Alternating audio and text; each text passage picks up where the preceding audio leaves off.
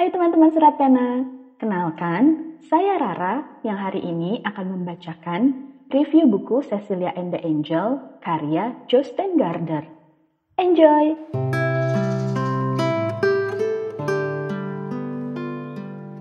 Nyenyak tidurmu.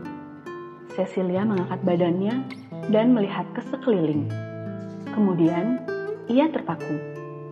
Satu sosok duduk di pinggiran jendela. Pinggiran itu hanya cukup buat anak kecil, tapi itu bukan Lars. Jadi, siapakah ia gerangan? Jangan takut, kata orang tadi kenal itu dalam suara yang tinggi dan bening. Ia mengenakan jubah putih panjang dan bertelanjang kaki. Cecilia hanya bisa melihat samar-samar wajahnya yang dilatar belakangi cahaya terang lampu-lampu Natal di pohon di luar sana. Kau berharap bertemu dengan malaikat? Kalau kau bisa bertemu dengannya, apa yang ingin kau tanyakan? Apakah malaikat itu akan seperti yang kau bayangkan selama ini? Malam Natal tahun ini sungguh menyedihkan bagi Cecilia. Dia sakit keras dan mungkin tak akan pernah sembuh. Cecilia marah dan menganggap Tuhan tidak adil. Apakah karena sakitnya ini, maka Ariel, sosok yang mengaku malaikat itu, memutuskan untuk mengunjungi dan menemaninya malam demi malam? Apa kau tahu, dulu ini adalah kamar kakekmu? Tentu saja, tapi bagaimana kau tahu? Kami sudah ada di sini sejak dimulainya waktu Cecilia. Sewaktu kakekmu masih kecil, ia pernah harus berbaring di tempat tidur sepanjang Natal gara-gara sakit parah. Dan itu jauh sebelum obat yang ampuh ditemukan.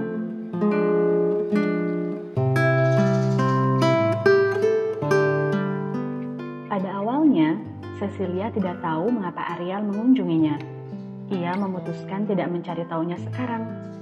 Bukan karena ia tidak merasa penasaran, namun karena banyak hal-hal baru yang ia temukan dalam setiap obrolannya dengan Ariel. Dan siapa yang menyangka malaikat bisa secerewet itu. Tak hanya Cecilia yang ingin tahu segala hal tentang malaikat, demikian juga Ariel ingin mengetahui segala hal tentang manusia. Terdorong oleh rasa ingin tahu masing-masing, mereka pun membuat kesepakatan. Kau harus menjelaskan kepadaku bagaimana kau bisa menembus pintu yang tertutup. Aku tidak bisa memahaminya. Ariel tampak ragu-ragu. Aku bersedia dengan satu syarat. Cecilia terkejut. Tak kusangka, malaikat mengajukan syarat agar mereka mau melakukan perbuatan baik. Tapi yang kau minta bukan perbuatan baik, kau memintaku membocorkan rahasia surga. Kalau begitu, apa syaratmu? Kau harus memberitahukan kepadaku rahasia-rahasia bumi. Lalu, kesepakatan pun terjadi. Hampir setiap malam, Ariel datang ke kamar Cecilia. Mereka akan membicarakan banyak hal, baik hal-hal surgawi maupun duniawi. Terkadang Percakapan itu begitu lucu dan akan membuatmu tertawa tergelak. Pernahkah kau ke bulan? Tanya Cecilia. Serta merta Ariel menjawab, itu tempatku menari balet. Di bulan? Kadang-kadang aku bermain lompat-lompatan dari asteroid ke asteroid. Benar-benar menyenangkan. Cecilia menggelengkan kepalanya. Aku sih senang-senang saja mendengar ceritamu, katanya. Aku sendiri juga senang kalau bisa melakukannya.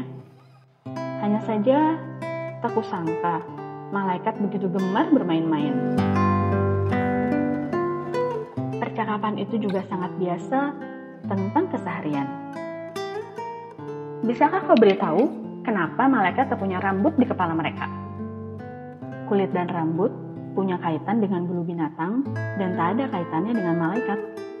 Kenapa tak sekalian saja kau tanyakan, apakah kami menggosok gigi atau apakah kami memotong kuku setiap Sabtu? Jadi, kalian nggak pernah melakukan hal-hal seperti itu ya? Ariel menggeleng. Bukan hal-hal seperti itu yang membuat aku dan kamu sama.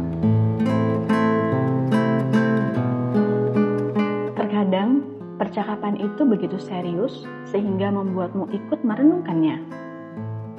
Sudah kubilang, Tuhan menciptakan Adam dan Hawa agar ada yang berlari-larian di antara pepohonan dan bermain petak umpet di Taman Firdaus.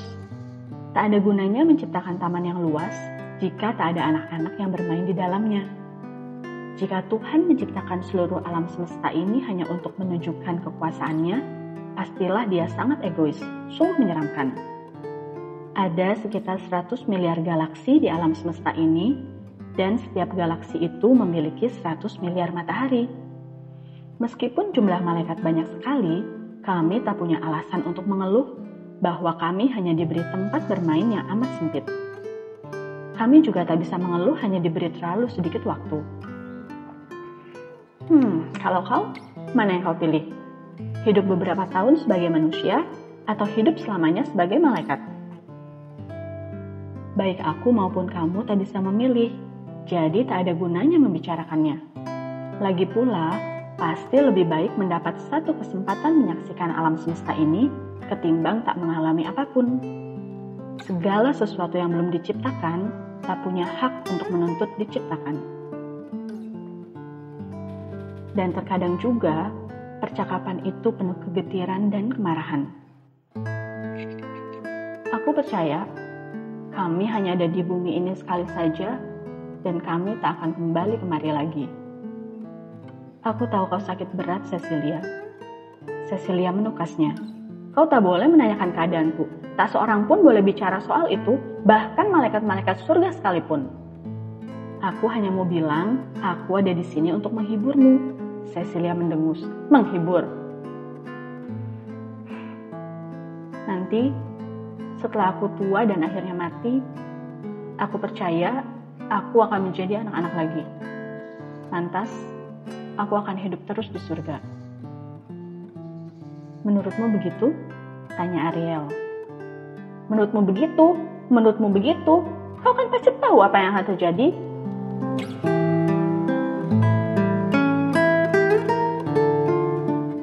Cecilia and the Angel merupakan buku karya penulis bestseller dunia Sophie yaitu Justin Gardner. Melalui sosok Cecilia yang penuh kemarahan dan memandang Tuhan tak adil, serta sosok malaikat Ariel yang tak terduga, kita diajak melihat berbagai hal dari sudut pandang manusia, malaikat, bahkan Tuhan. Tentang anak-anak dan penciptaan, tentang menjadi dewasa dan kejatuhan, tentang Adam dan Hawa, tentang alam semesta, tentang kehidupan itu sendiri, tentang kematian, tentang Tuhan. Dan mungkin saja salah satu pertanyaanmu selama ini dijawab di buku ini. Sampai saat ini, Cecilia and the Angel pernah diterbitkan dengan judul Cecilia dan Malaikat Ariel pada tahun 2008 dan Dunia Cecilia pada tahun 2015 oleh penerbit Mizan. Buku ini telah diterjemahkan ke dalam 20 bahasa dan terjual lebih dari 2,5 juta kopi. Kisah indah dialog surga dan bumi ini pun memenangkan Norwegian Bookseller Prize dan diadaptasi ke dalam film yang juga memenangkan Amanda Awards, yaitu anugerah tertinggi perfilman Norwegia pada tahun 2009. Nah, buku yang satu ini pastinya berharga untuk dibacakan teman-teman Stratena. Selamat membaca! thank you